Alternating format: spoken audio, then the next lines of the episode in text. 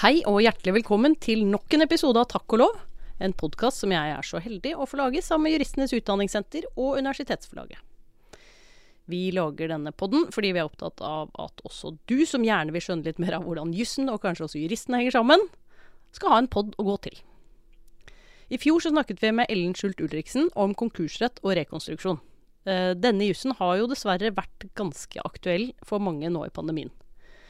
Den nye rekonstruksjonsloven som ble vedtatt våren 2020, ble laget nettopp for å hindre konkurser. Vi hørte jo litt om eh, at den kanskje ikke klarte det så godt. Vi lurer på hvordan det gikk med den etter hvert. Eh, og vi kan også få rekonstruert hva en rekonstruksjon egentlig er for noe. I denne episoden så skal vi gruble litt høyt, eh, og det skal vi gjøre på en litt annen måte enn vanlig. Nemlig via et helt spesielt case, rekonstruksjonen av flyselskapet Norwegian. Dette har jo fått, altså Norwegian har jo fått mye oppmerksomhet i pandemien. Hvor mye statsstøtte skulle de få for å unngå konkurs? Uh, hva skulle skje med alle flybillettene folk hadde kjøpt? Hva med bonuspoengene våre? Hvordan i alle dager kunne selskapet drive og betale ut store hemmelige bonuser til toppledelsen? Var det dine og mine skattepenger? Hvordan henger dette egentlig sammen? Til å svare på dette, til å fortelle det store eventyret om Norwegian som gikk til staten og gjorde seg fet, eller altså overlevde, så har vi fått med oss selskapets egen rekonstruktør, advokat Håvard Viker.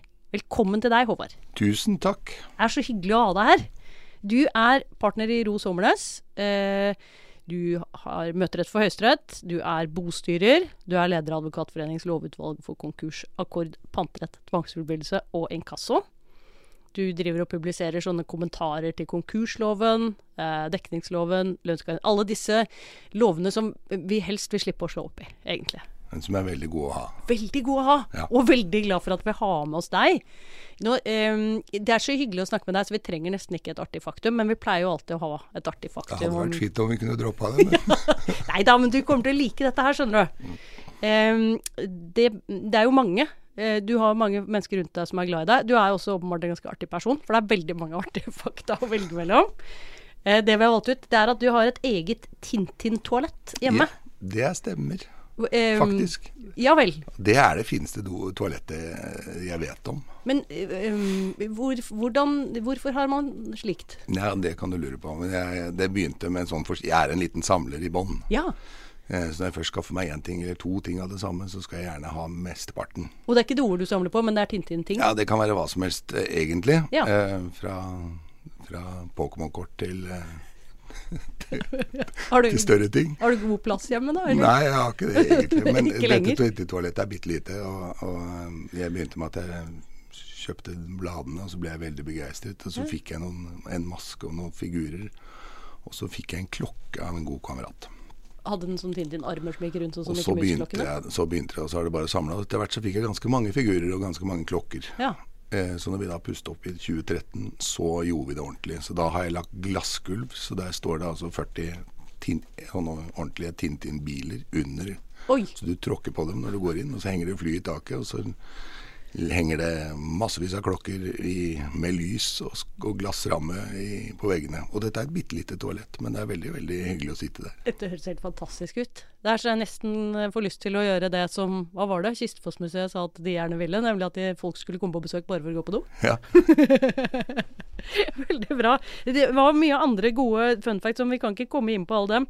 Må bare nevne at du er god på dikt og limerick, og like god som Drillo i geografi. Jeg fikk så lyst til å utfordre deg på begge deler. Jeg skal ikke gjøre det. Jeg er fint. Tusen takk.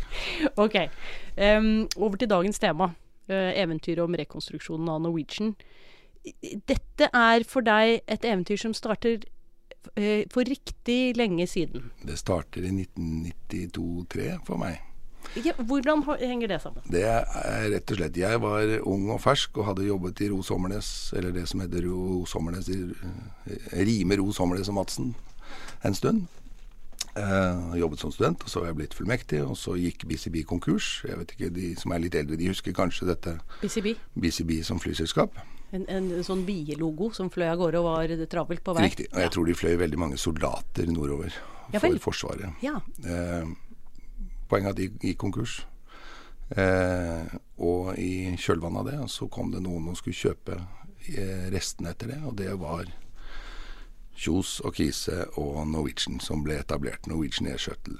Og første året det opererte, så måtte de operere under ECB konkursbos eh, lisenser og, for å få lov å fly.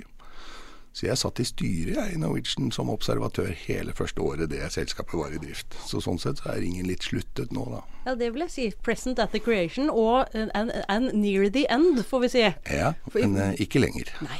Hvor, eh, fortell oss eventyret om rekonstruksjonen. Ja, det er en, eh, både en kort og en lang historie, men vi kan ta den me- mellomvarianten, Ta den kanskje. mellomvarianten. Den får akkurat plass i denne episoden. Eh, det fungerer jo som regel sånn at eh, når eh, så store selskaper er i ferd med å mm, få ordentlige problemer, så, så hender det at vi får et forvarsel. Eh, rett og slett fordi at sånne type prosesser må planlegges. Så jeg visste at jeg var klarert av retten.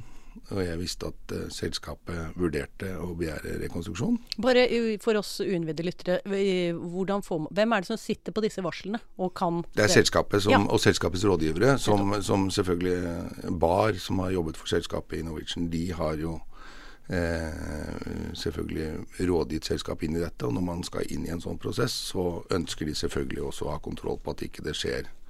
Altså at man mister helt styring og fart. Eh, Ja, det er veldig dumt når man flyr. Veldig dumt. Ja. Eh, Så da endte det med at eh, jeg fikk et lite forvarsel i forkant. eh, Bare sånn om jeg var habil og hadde kapasitet. Ja. Og så klareres det via domstolen, som oppnevner rekonstruktøren. Ja, litt på samme måte som en bostyrer. Ja, det er egentlig akkurat det samme. Det er Ja. samme lovgivning, samme, samme prosessen, samme fordelingsloven også. Altså dekningsloven gjelder der også. Eh, Men dog med litt andre oppgaver. Kan vi bare ta en liten parentes om det? Hva er forskjellen på konkurs og rekonstruksjon? Konkurs, da er det bostyrer som overtar. Ja. For da er, blir, får man ansvaret for å realisere alt. Og fordele pengene til de kreditorene som, har tapt, som taper på det. Nettopp.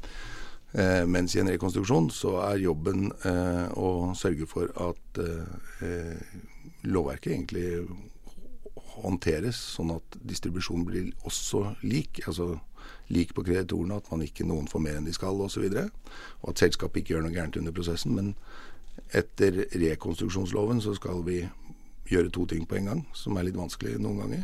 Det ene er å hjelpe selskapet gjennom rekonstruksjonen, nemlig å få til en gjeldsordning. Altså Vi kaller det rekonstruksjon. Det er rett og slett en god gammeldags gjeldsordning. Ja. Eh, og det andre er å ivareta kreditorenes interesser. Og, Og de er jo ikke alltid sam sammenfallende, men eh, Bare forskjellen på rekonstruksjon og gjeldsordning. Du sa det er basically det samme, det er det, men det er, litt andre krav for å komme inn i det? Er det sånn, eller? ja. Ja. Det, er, det, er endret, det ble endret Altså, vi, Gjeldsforhandlingene etter mm, konkursloven, eh, de er jo ikke lenger gjeldende. Nei. Så det er ikke to prosesser, det er bare rekonstruksjonsprosessen som er overtatt, nå Ja. midlertidig. Og så håper vi det kommer en permanent en, selvfølgelig. Ja. Eh, men det er endret litt på, på vilkårene for, for åpninger, men det er, ikke, det er ikke store. I utgangspunktet så skal du nå ha alvorlige økonomiske problemer, mens tidligere måtte du være illikvid. ja. Nettopp. Så det er en hårfin, hårfin forskjell på det, men en liten en. Ja. så, er det noen andre mindre forskjeller også, men det er ikke, det er ikke viktig. Men gjør at rekonstruksjon er mer, eh, er mer konstruktivt, egentlig. Ja, det høres bedre ut i hvert fall. ja, nettopp. Det gjør okay. det. Ja. Ja. Ehm, jeg fikk eh, forvarsel, og så blir jeg oppnevnt. Og da vet jeg at Norwegian allerede har åpnet en tilsvarende prosess i Irland. Ganske, eh, dette er et konsern med mange selskaper. Og hvorfor gjør de det to steder på en gang? Ja, det er eh, fordi at dette selskapet har kreditorer i veldig mange jurisdiksjoner. Ja. Og for å være sikker på at man binder opp alle sammen. Ja. Og for får være sikker på at den endelige løsningen blir, eh, får effekt eh, på en måte sånn, for alle, ja. så ønsket man også å binde opp eh, de som eventuelt kunne se bort fra den irske domstolens avgjørelse.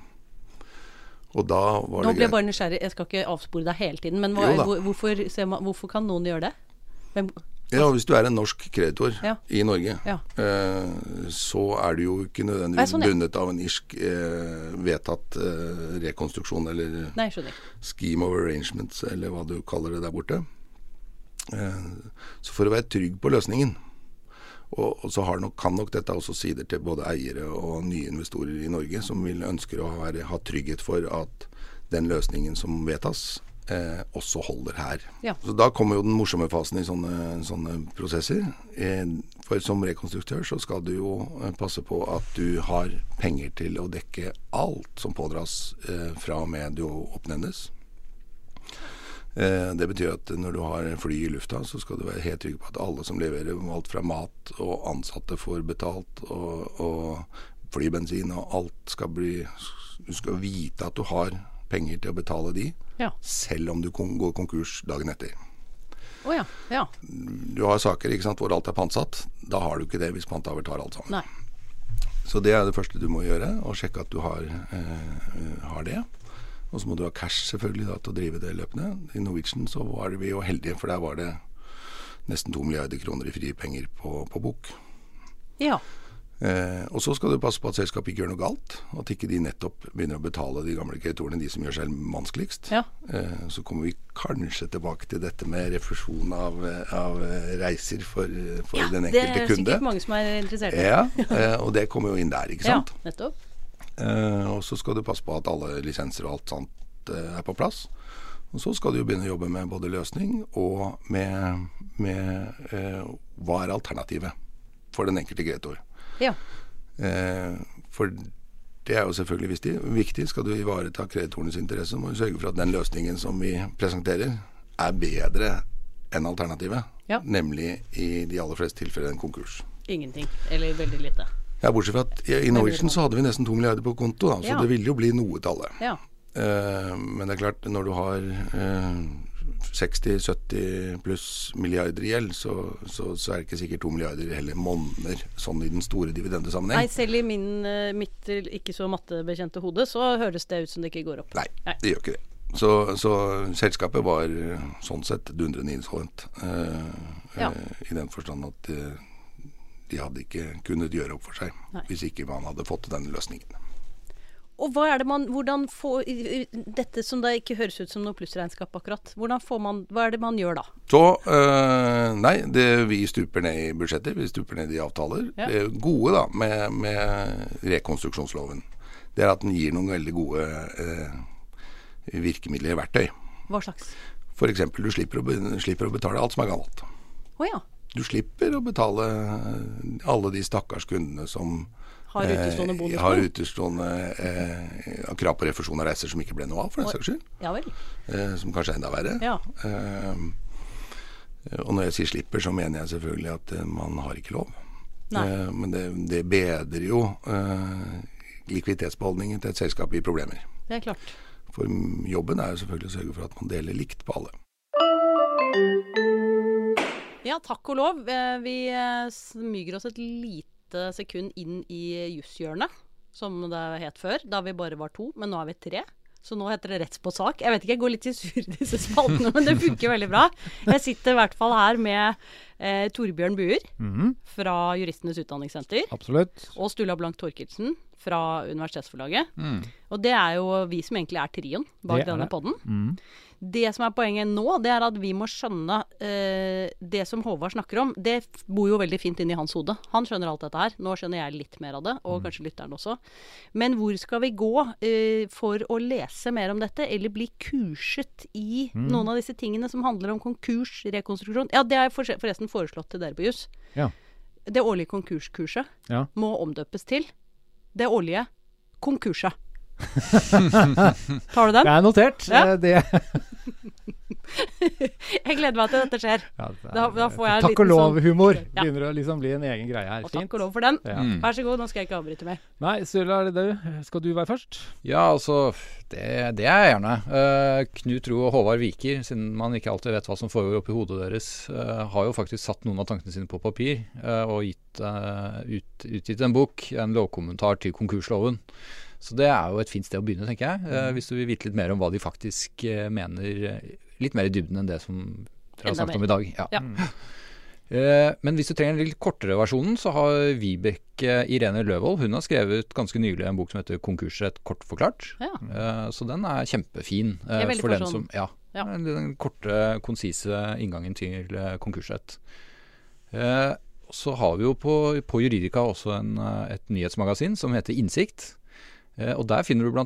en eh, ganske spennende artikkel eh, skrevet av Ellen Schultz Ulriksen, som er partner eh, i advokatfirmaet Hovin. Og som vi hadde med for to sesonger siden. Nettopp. Eh, som egentlig var den som lærte oss om den rekonstruksjonsloven som vi har eh, grublet litt mer på i dag. Ja. God anbefaling. Kan vi kurse oss òg? Ja, altså vi kan oss. jo kurses med den eh, se- selvsamme Håvard Viker, da. Ja. Det er, Vi har liggende ute et webinar om rekonstruksjon, der du får en god gjennomgang av regler, prosess, forberedelse til rekonstruksjon. Og så planlegger vi jo heldigvis atter en gang utenlandskurs. Vi drar til København i mars. Eh, nordisk rekonstruksjon i deilige København. Og både dette og det årlige kurset i juni vil du finne på, finne på juss.no når vi lanserer vårporteføljen om noen få uker. Dette er nydelig. Og dette eh, Mm. hva ble så ringen sluttet tilbake til den fine konkursepisoden som vi hadde med, eh, med Ellen også. Mm. Fordi da husket jeg plutselig på at en av de første sakene jeg hadde, den handlet om eh, motregning etter dansk konkursrett. Akkurat. Så dette binder jo hele Skandinavia sammen Mm, eh, det det. før vi går konkurs. Takk og lov. Takk og lov. Hvilke deler av gjelden fra gamle dager er det man ikke lenger trenger å dekke alt av? Eh, fra og med kon eh, konkursåpning sier jeg det er helt feil. Ja. Åpningen av Ja, okay. rekonstruksjonen, så har selskapet i utgangspunktet ikke lov til å dekke noen av de gamle forpliktelsene. Nei. I utgangspunktet. Og så har vi noen unntak. Det er klart hvis, hvis eh, ting ramler sammen og, og verdier blir borte som følge av at man ikke betaler, så, så, så gjør man det. Ja. Eh, eller det vi gjerne kaller noen ganger driftskritiske kostnader. ja. Eh, så hender det at vi betaler det. Men i utgangspunktet så skal all gammel gjeld fryses. Og det er selvfølgelig til stor hjelp for et selskap eh, i problemer. Når man må drive og fundere på alle andre ting. Ja, Så det eneste du da må passe på, er at du har penger til å dekke alt som løper framover. Ja. Ja. Og så skal du jo passe på alt dette, og at det ikke gjør noe galt, som jeg sier. Og så skal vi begynne å se på hvordan skal vi komme ut av dette. Eh, og så snakker vi jo nå litt som om eh, jeg var eh, liksom avgjørende for løsningen. Ja, det er, det, sånn er det i denne fortellingen. Du er eventyrfortelleren, så det er helt avgjørende. Ja, det, Men, men, men jeg var nok ikke det, altså. Nei, okay, men du hadde Eh, For det var et en, en, en første møte jeg hadde med selskapet. Så ble, ba jeg få, ber alltid om å få lister over hvem er det vi må snakke med, og hvem hvem er det som er eh, liksom de tettest involvert der. Mm. Da får man en sånn adresseliste og, og navneliste. Den navnelisten tror jeg inneholdt 76 navn Ja. med telefonnummer. Det, der var rådgivere eh, overalt. Eh, selvfølgelig med dyp og spiss kompetanse på sine enkelte felt. ja, nettopp. Folk du skal ringe til for å få hjelp. Ja. Ja. Og som hjelper selskapet, ikke Skjønner. minst. Altså, de hadde et uh, kobbel av folk som eh, utelukkende forhandlet med, med de som hadde solgt eller leaset flyene inn til selskapet. Ja. De hadde et kobbel av avokater advokater selvfølgelig på, som skulle ta vare på prosessen både i Irland og Norge. Så det, så det var et, det er et voldsomt apparat, altså. Jo, jo, men du driver og administrerer alt dette her, da. Du skal eh, passe på at, ikke, på at alt i hvert fall er i tråd med det som vi driver med i Norge. Ja. Det er noen regler. Ja, masse regler. Eh, og så skal du få oversikt over gjelden. Alle skal jo begynne å melde kravene sine. Og så skal du ha oversikt over hva er det vi eh, Hva er det dette selskapet har som kan komme kreditorene til gode.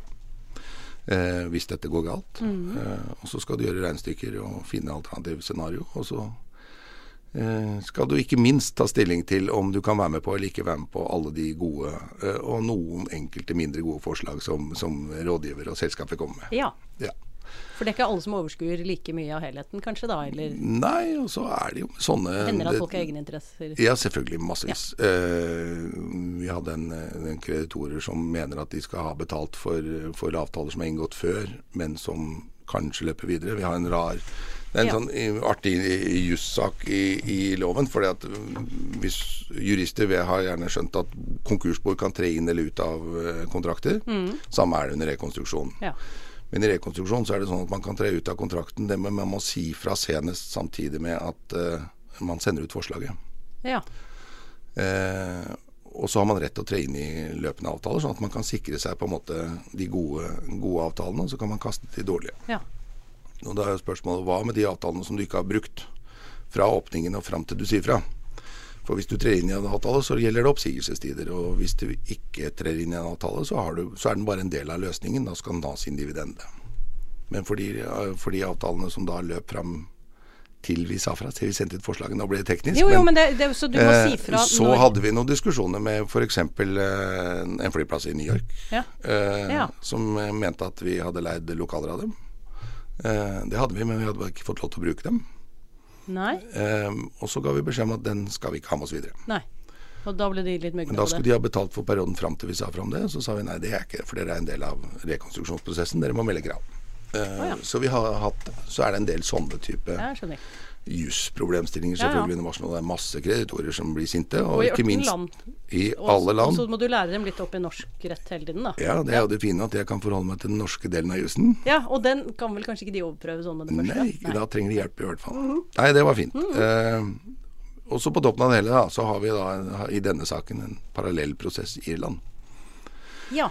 Og der var det eh, altså fire Det er et stort konsern, eh, og veldig mange av de flyeiende selskapene lå i Dublin i Irland. Der sitter det da en tilsvarende person som deg sitter, ja, Bortsett fra at der er det omvendt. Der er det en eh, revisor gjerne som oppnevnes som, okay. i min rolle, og så ansetter de advokatene. Jeg syns ja, det er mye bedre sånn som vi har det her, egentlig. Alt er mye bedre sånn som vi har det her. Ja. Det er jo derfor vi er her. Eh, og da blir jo selvfølgelig utfordringen å samkjøre disse. Når, for, for, det var ikke bare datterselskapene som var under prosess i Irland, det var også Norwegian E17 het LASA. Hva er det? Det er morselskapet. Det er oh, ja. selve selskapet okay. som børsnotert, ja. er børsnotert i Norge. Ja. Som, som ble åpnet rekonstruksjon. Men det betyr jo altså at du har to prosesser. Og du kan ikke bli med samme selskap, så kan du ikke ha én forpliktelse i Irland og én i Norge, som er, går på tvers av hverandre. Det høres rimelig ut. Det går ikke. Nei. Så de løsningene i Norge og Irland må, måtte være helt like. Ja. Eh, og det er eh, ikke alltid kjempelett. Vi var ganske flinke, og vi, hadde, vi satt jo i møter daglig med den irske, eh, irske bestyreren, for å si det sånn. Eh, og vi fikk det til, mener jeg. Vi hadde, men bare noe som er enkelt, da, som at eh, dette ble åpnet 18.11. i Irland og 8.12. i Norge. Eh, I Norge så skal du ha cutoff-dato da 8.12. Mm. betyr at alle krav fram til det er dividendeberettiget, og alle krav etter skal ha betalt. Mm. I utgangspunktet. Eh, I Irland var det jo ikke sånn, for de kom tre uker før. Men er det samme da regler før og etter der, bare at det ble en annen dato? Ja, Ja, okay. egentlig langt på vei. Ja. Men øh, Og når jeg sier ja, så er det alltid unntak. Jo, jo, men, nei, men det vet du. vi. Er advokater, så det, sånn er det. Men det betyr jo at vi måtte ta en sjefsbeslutning i Norge om at vi flytta datoen i Norge til 18.11. Uh, Å, sånn, ja. Og det fikk man egentlig bare alle med på. det gjorde vi, og så fikk vi alle med på det. Ja. For alt annet eh, ville rett og slett ikke fungert. Nei, nei. Nei. Ok, så det er, det er litt så, så norsk litt sånn- slår inn også her Ja, og det er jo mye av jobben vår. Altså, Jobben er å passe på at kreditorene får minst det de har krav på. Ja. Og at selskapet ikke gjør noe galt. Og jeg er litt sånn enkel sånn at eh, så lenge vi holder oss innenfor det, at dette er til kreditorenes beste, så er man i sånne sammenhenger nødt til å være litt pragmatisk, da. ja, egentlig i ordets beste forstand der, Ja, tenker jeg. ja. Ja. Mm. Rett og slett. Og så er det å forhandle, og så er det å finne løsninger, og så er det Og det klarte dere åpenbart. Men eh, sånn staten og pengene derfra, var det viktig? Ja, det var, staten var kjempeflinke, de. Ja. Rett og slett. Høre. Jeg har sett at de har fått litt kritikk, enkelte, men det, det, det er dypt uenig. Jeg syns Ja, de var dette kjempeflinke. dette ved, denne sidehistorien inn i eventyret vårt må vi høre litt om, for det er jo noe med tilliten til eh, staten. At den, det er Ja. nok å kritisere alltid, og det skal man drive med, men eh, la oss få høre oppsidene Ja. ved denne. Staten ga jo lån da det sto på som verst rett etter covid. Og så ønsket eh, selskapet å ha dem med videre i fjor høst. Da sa staten nei, og det var nok noe av grunnen til at det, vi havna der vi havna. Og så, eh, for å, for å få dette opp og stå igjen, så trengte selskapet penger. Og de trengte ganske mye friske, nye penger.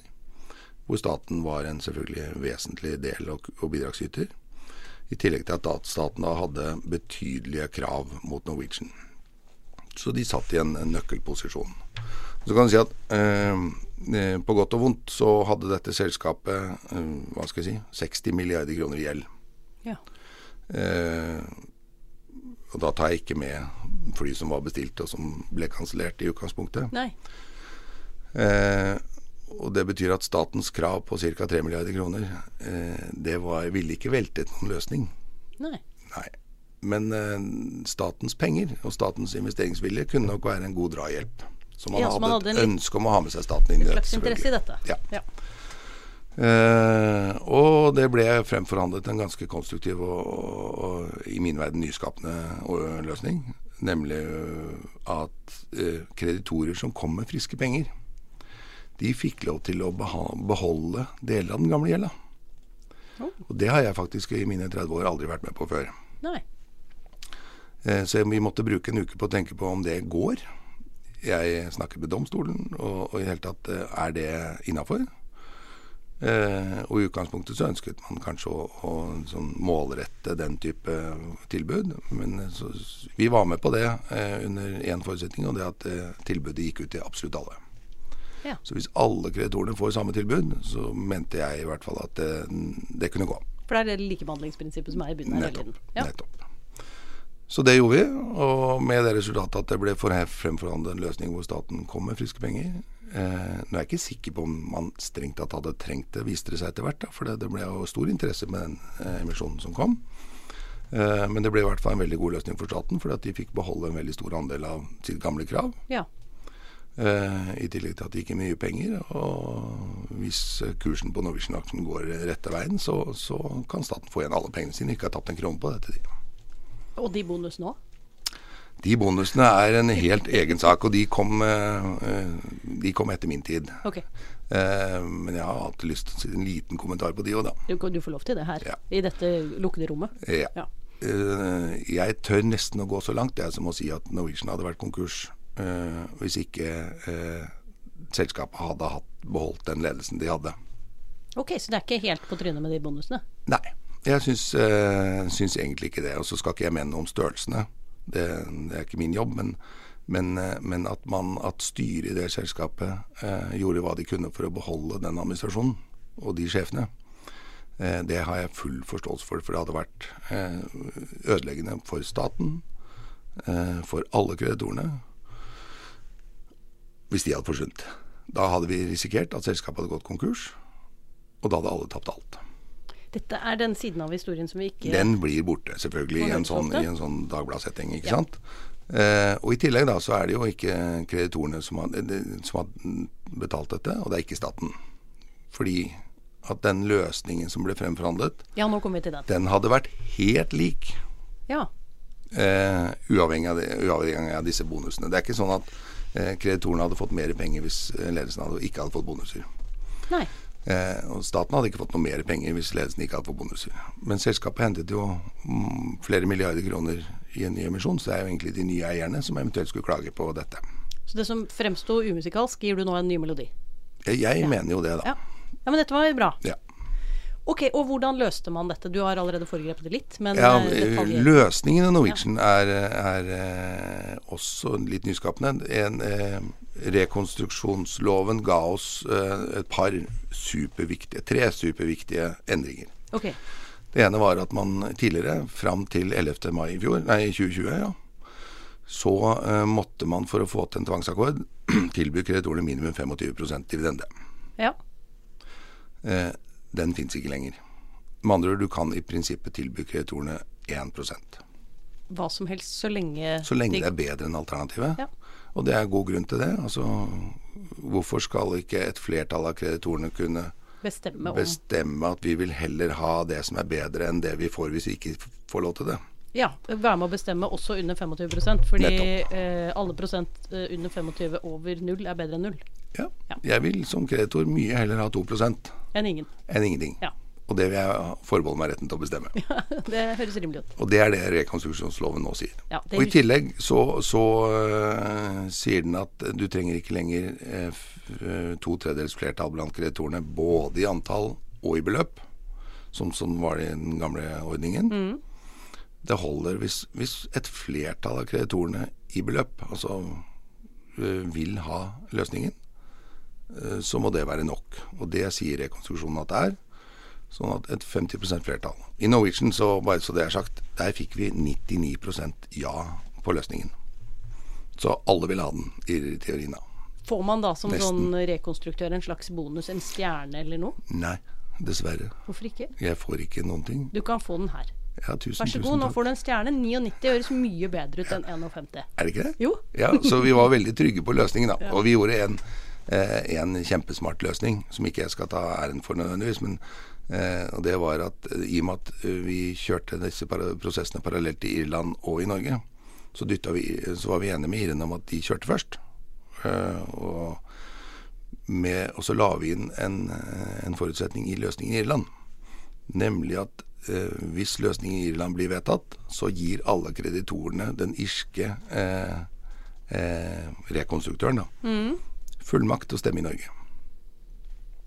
Effekten av det, det er at Hvorfor de, hva ville alternativet til det vært? det ville vært at hver enkelt kreditor stemte i Norge. Ja, sånn, ja. ja.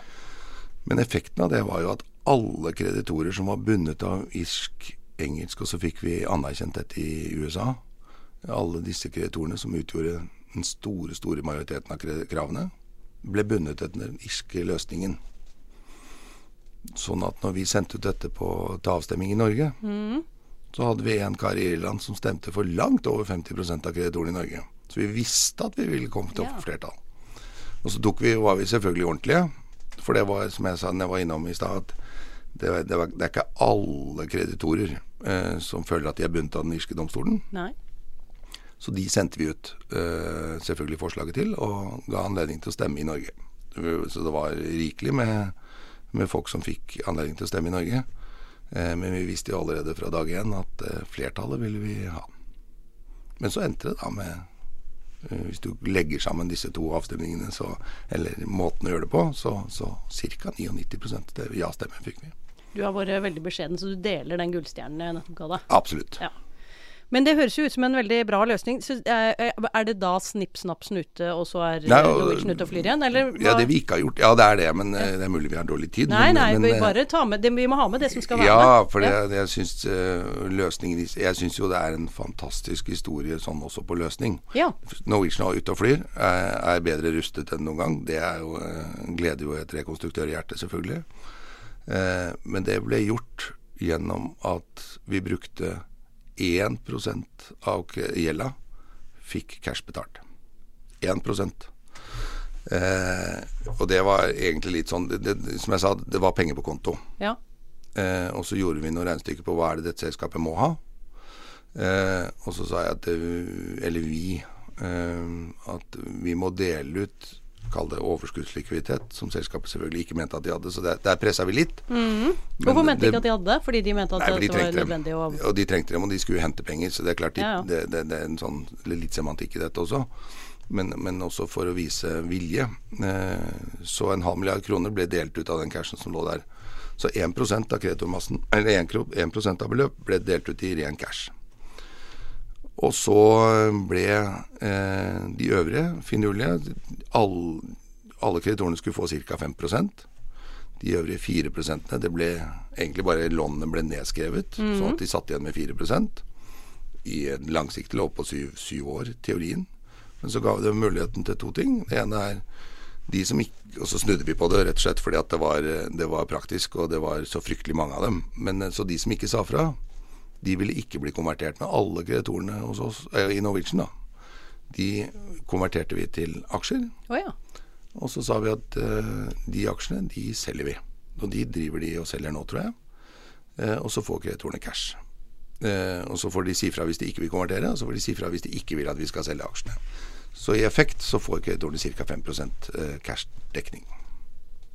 Dette høres jo veldig bra ut. Ja, Ja. det var kjempebra.